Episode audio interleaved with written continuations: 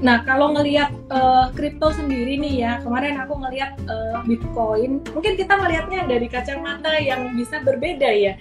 Saya sempat lihat satu video kamu tuh uh, ngomongin waktu itu mungkin saat, dua minggu yang lalu, uh, kamu ngelihat ada satu pola inverted pennant yang bisa turun. Jadi udah tu, udah turun, terus kemudian sideways, habis itu turun lagi bisa turun lagi gitu kemungkinannya. Yeah.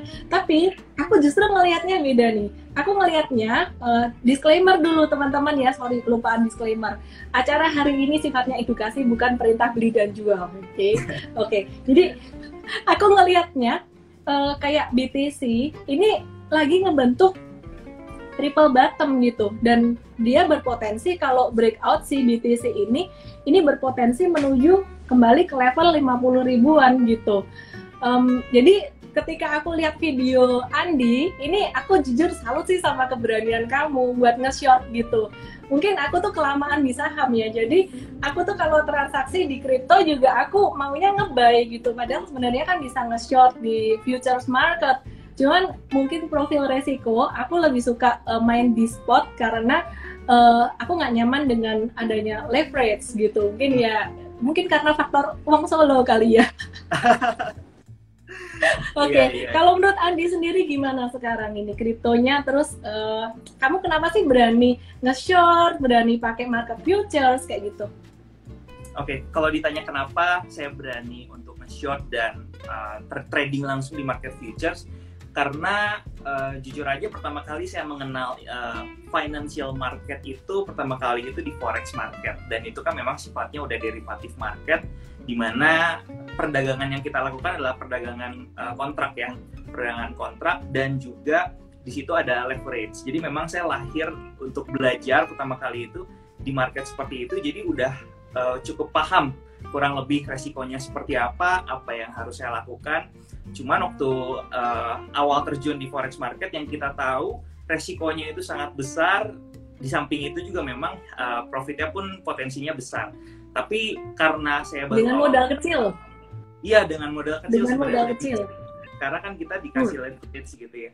Tapi karena saya pertama kali belum ngerti apa-apa main di forex market, yang ada saya malah boncos gitu istilahnya, rugi total. Jadi waktu itu uh, pengalaman itulah yang saya ambil bahwa kenapa saya pada akhirnya bisa belajar banyak tentang technical analysis karena saya mau lihat di forex market itu karena perdagangannya pertama 24 jam 5 hari dan kedua pergerakan volatilitasnya itu kan benar-benar uh, kalau misalkan euro dipairkan dengan USD gitu ya kita melihat bukan uh, satuannya itu benar-benar satu titik pipnya itu uh, belakangnya itu sangat besar gitu jadi pergerakannya tuh kalau kita lihat sangat uh, jadi bergerak lah istilahnya lah kalau di saham mungkin volatilitasnya lebih kecil ya range-nya.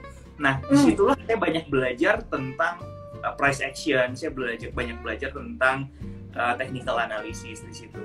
Dan kemudian one day saya one day saya berpikir kalau saya cuma bisa trading 27 pair aja di forex market, uh, semuanya udah saya lihat dan ngebosenin nih.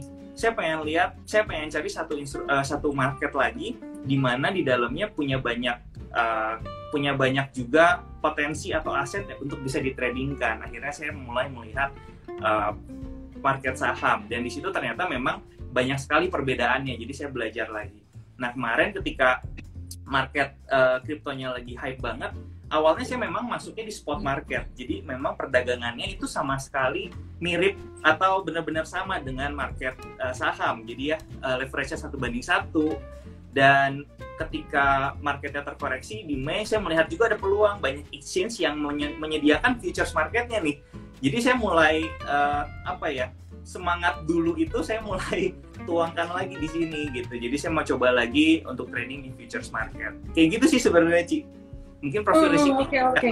agresif gitu Oke, okay, jadi uh, sampai saat ini kamu lebih ke technical ya, uh, you're more to technical dan fundamental ya, gitu. Yeah. Kalau di saham gimana? Kamu lebih ke technical atau fundamental? Kalau di saham juga sebenarnya sama, lebih uh, masuk ke technical. Kalau fundamental mungkin saya cuma melihat uh, biasa makroekonominya aja seperti apa gitu ya, sebagai gambaran besarnya. Tapi mostly kalau untuk decision kita entry, kita taking profit, gitu biasanya saya uh, based on technical kayak gitu. Dan uh, belakangan ini juga yang heboh uh, ada flow analysis gitu ya. Saya juga mulai mengaplikasikan flow analysis di dalam uh, trading plan di saham gitu sebenarnya analisisnya di situ. Oke oke oke.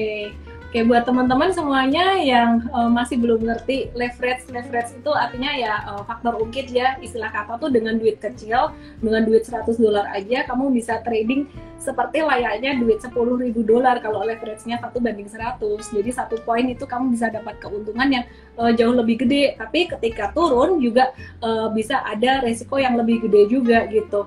Dan resikonya adalah kalau misalkan trading di market futures uh, trading di market yang ada leverage-nya kalau teman-teman nggak ketat dengan pembatasan risiko alias stop loss-nya, itu bisa kena margin call dan teman-teman harus aktif banget ngamatin. Kalau saya boleh bilang sih ini level 2 setelah uh, trading saham berhasil atau ya fluktuasinya juga di atas itu gitu.